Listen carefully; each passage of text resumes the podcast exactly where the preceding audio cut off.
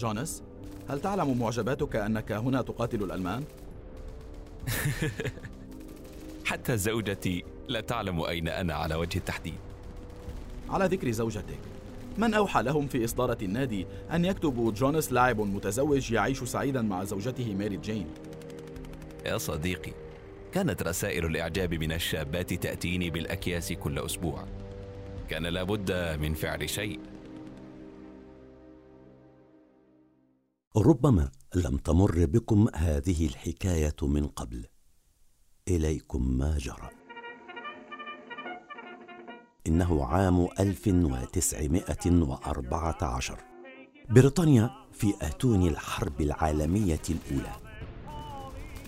لا حديث للناس من رجال ونساء وشباب وعجائز سوى الحرب ومستقبل البلاد.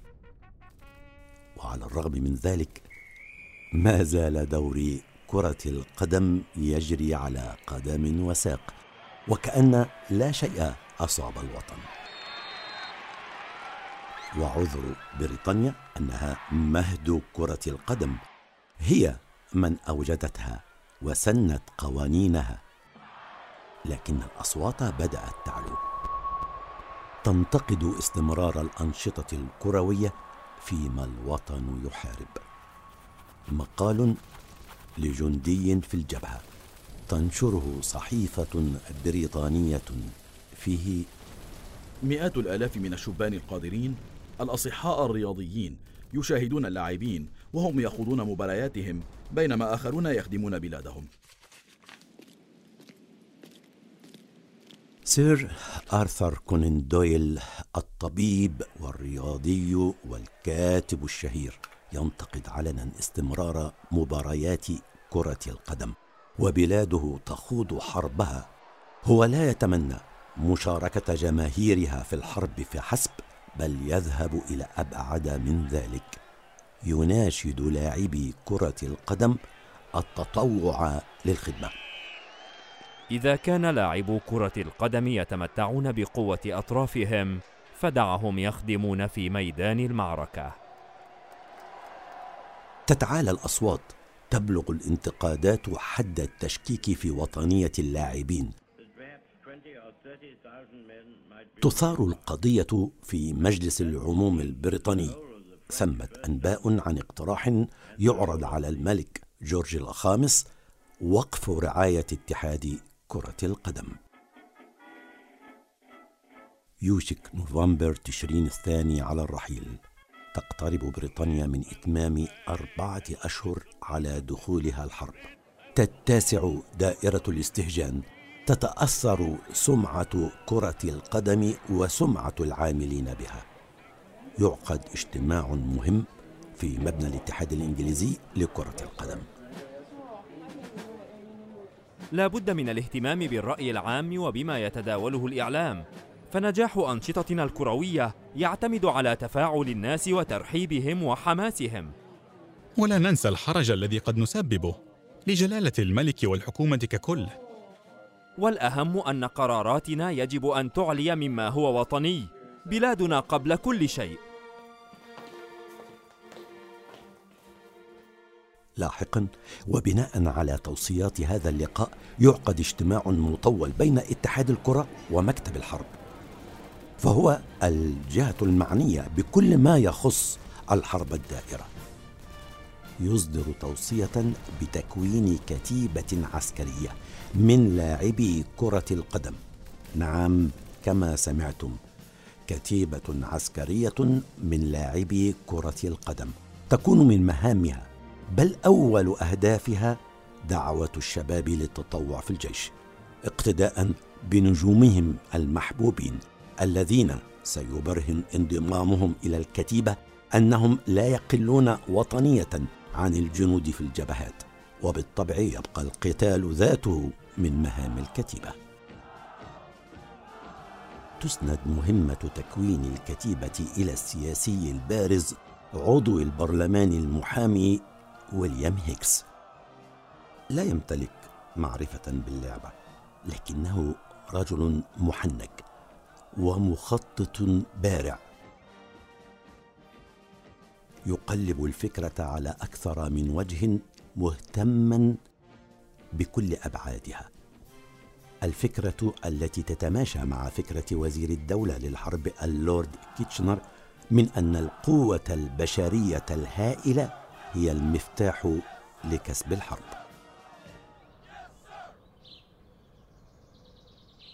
في منتصف ديسمبر كانون الأول يدعو ويليام هيكس إلى اجتماع في مجلس مدينة فولهام بحضور عمدة المدينة ورؤساء عدد من الأندية.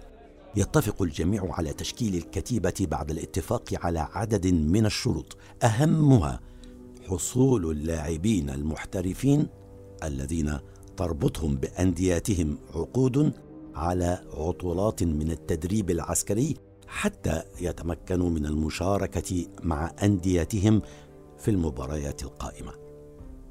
يستمر الاجتماع وبعد مناقشة كثير من التفاصيل تبدأ الرؤية تتضح. الحماسة تسري بين المجتمعين، يقف هيكس شاكرا المجتمعين مقتبسا من قاموسهم الرياضي. أنا لا أدعوكم إلى نزهة. هذه ليست مباراة سهلة أمام فريق من الدرجة الثانية. هذه مباراة المباريات ضد أحد أفضل فرق العالم. يفتح التسجيل للكتيبة. فريد باركر أول اللاعبين المتطوعين.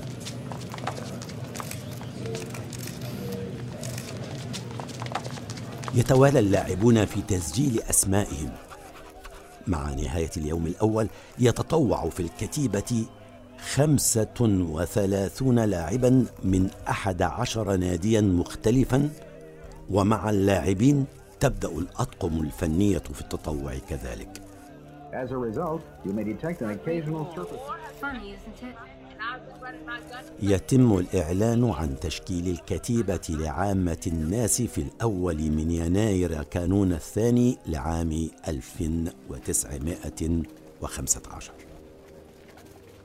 أصبحت الكتيبة المعلنة تضم 200 لاعب محترف من أكثر من 60 ناديا مختلفا في الدور الممتاز والدرجات المختلفة يضاف إليهم لاعبون هو وأعضاء أجهزة فنية وإدارية وبعض الجماهير التي كانت ترغب في الخدمة بجانب لاعبيها المفضلين.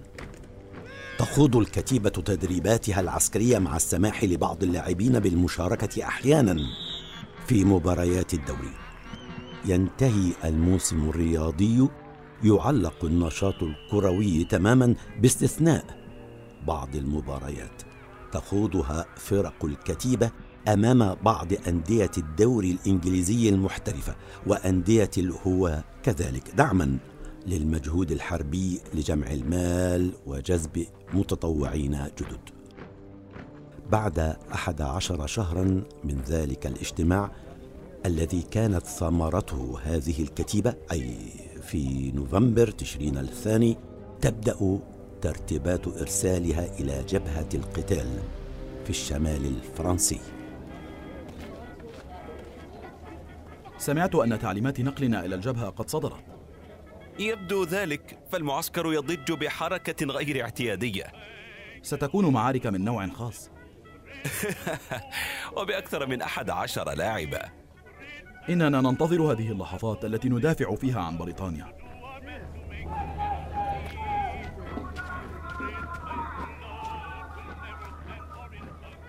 هناك في الجبهة بعيدا عن أرض الوطن يخوض اللاعبون تجربة جديدة.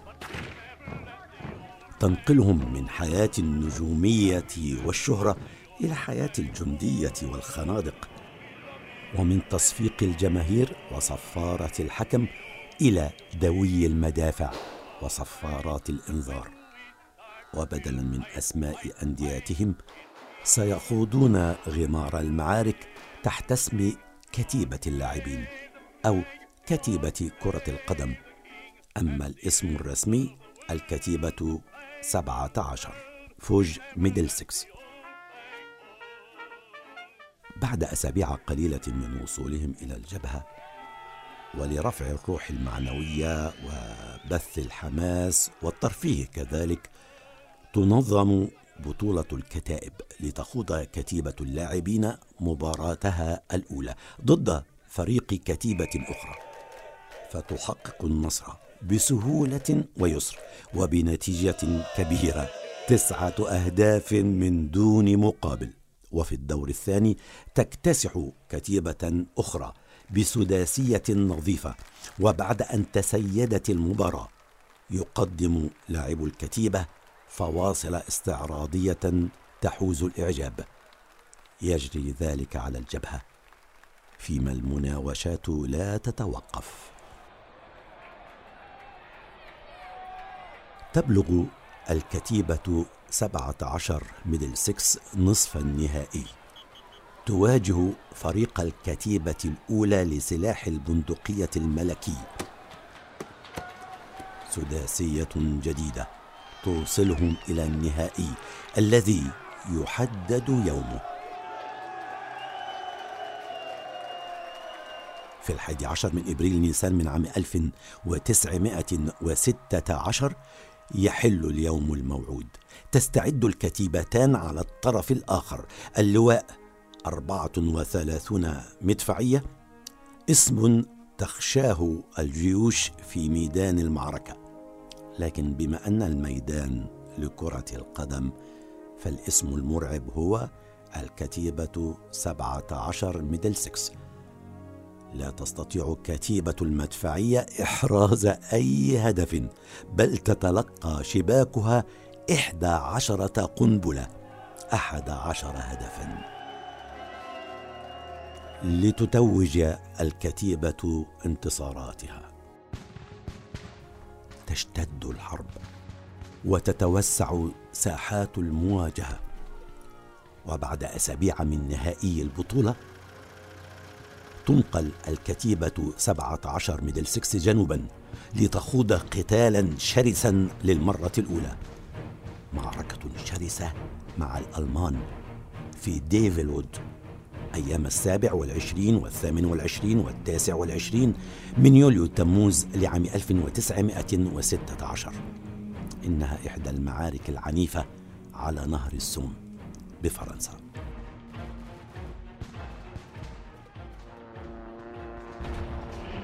الطائرات لا تكف عن التحليق منذ الفجر ثم موجات من مدفعيتهم. اشتدت الحرب فعلا. ترى هل يطول بقاؤنا في هذه الخنادق؟ لا أدري يا جونس. لكن إحساسا سيئا يسيطر علي جونس. مكفاد المنقذ تحاصره الأحاسيس السيئة. لا تقل ذلك. كثيرون من ينعتون ريتشارد ماكفادن بالمنقذ. فقد اشتهر لاعب كلابتون أورينت بعد إنقاذه طفلا من الغرق ورجلا من حريق بيته. الأحاسيس السيئة تنتقل من ماكفادن إلى جونس وهما الصديقان اللذان لعبا لمدد طويلة جوار بعضهما في فريق كلابتون أورينت. ولأن الحياة صارمة وأحداثها فاجعة يجب على المرء أن يخفف عن نفسه ولو بابتسامة لطيفة. في خندقين قريبين يحاول ماك تذكير صاحبه بالمواقف الطريفة. فجونس البارع ذو شخصية جذابة ومعجباته كثر. جونس هل تعلم معجباتك أنك هنا تقاتل الألمان؟ حتى زوجتي لا تعلم أين أنا على وجه التحديد. على ذكر زوجتك. من أوحى لهم في إصدارة النادي أن يكتبوا جونس لاعب متزوج يعيش سعيدا مع زوجته ماري جين. يا صديقي كانت رسائل الإعجاب من الشابات تأتيني بالأكياس كل أسبوع. كان لابد من فعل شيء. يسترسل الصديقان في الذكريات. تشتد المعركة يقترب الألمان أكثر. يقرر جوناس كسر الحصار. والخروج من الخندق. يعبئ خزانة سلاحه بالذخيرة. يلتفت إلى صديقه وداعا ماك. حظا سعيدا. أنقل حبي إلى حبيبتي ماري جين. وتحياتي الحارة إلى الرفاق في أورنت. لاحقا يصف ماكفيدن ما حدث في رسالة إلى النادي. قبل أن أرد عليه قفز خارج الخندق. وانتهى كل شيء بمجرد أن قفز. قتل صديقي. صديقي منذ عشرين عاما قتل أمام عيني. الكلمات لا تستطيع التعبير عن مشاعري في هذا الوقت. وسرعان ما يلحق ماكفيدن بصديقه جوناس. فمع وصول الخطاب إلى نادي كلابتون أورينت كان ماكفيدن قد فارق الحياة هو الآخر. تلحق بكتيبة اللاعبين خسائر فادحة إصابات لنجوم لامعين ومقتل أربعة من نجوم المباراة النهائية يتم تجنيد ما يزيد على سبعمائة جندي. وبينما تقاتل الكتيبة سبعة عشر ميدل سكس في الجبهة كانت كتيبة لاعبين أخرى وهي ثلاثة وعشرون ميدل سكس تتلقى تدريباتها العسكرية. نصل إلى عام 1917 تشن القوات البريطانية هجوما على الدفاعات الألمانية بالجبهة الغربية وتحديدا مدينة آراس الفرنسية. كتيبة اللاعبين 17 ميدل سكس من ضمن الكتائب المشاركة في القتال. تحاول الكتيبة فتح طريقها إلى قرية أوبي بإرسال قوة من جنودها قبل أن يعزلهم الألمان ويحاصرون. يوم الثامن والعشرين من إبريل نيسان يوم دام شديد القسوة. تلحق بالقوة خسائر فادحة. أحد عشر ضابطا وأربعمائة وواحد وخمسون جنديا بين قتيل وجريح ومفقود. قتال يائس. ثم تضطر القوة التابعة لكتيبات اللاعبين إلى الاستسلام للألمان. في نوفمبر تشرين الأول ترسل الكتيبة الأخرى 23 ميدل سكس إلى الجبهة الإيطالية في أعقاب الانتصارات الألمانية هناك. في فبراير شباط لعام 1918 يتخذ القرار بتسريح كتيبة اللاعبين الأولى 17 ميدل سكس ونقل بقية الضباط والجند إلى وحدات أخرى. فقط ثلاثون لاعبا محترفا من بقوا أحياء. في حين ظلت الكتيبة الثانية 23 ميدل سكس تقاتل في إيطاليا. وفي مارس آذار من عام 1918 تنقل إلى الجبهة الغربية للمشاركة في صد عدة هجمات ألمانية وبحلول أواخر العام تعلن الهدنة. تنتهي الحرب لتفيد التقارير بأن أكثر من 1500 ضابط وجندي قتلوا من كتيبتي لاعبي الكرة خلال الحرب. إلى هنا تنتهي الحكاية. لكن حكايات الحرب لا تنتهي ابدا. أسعد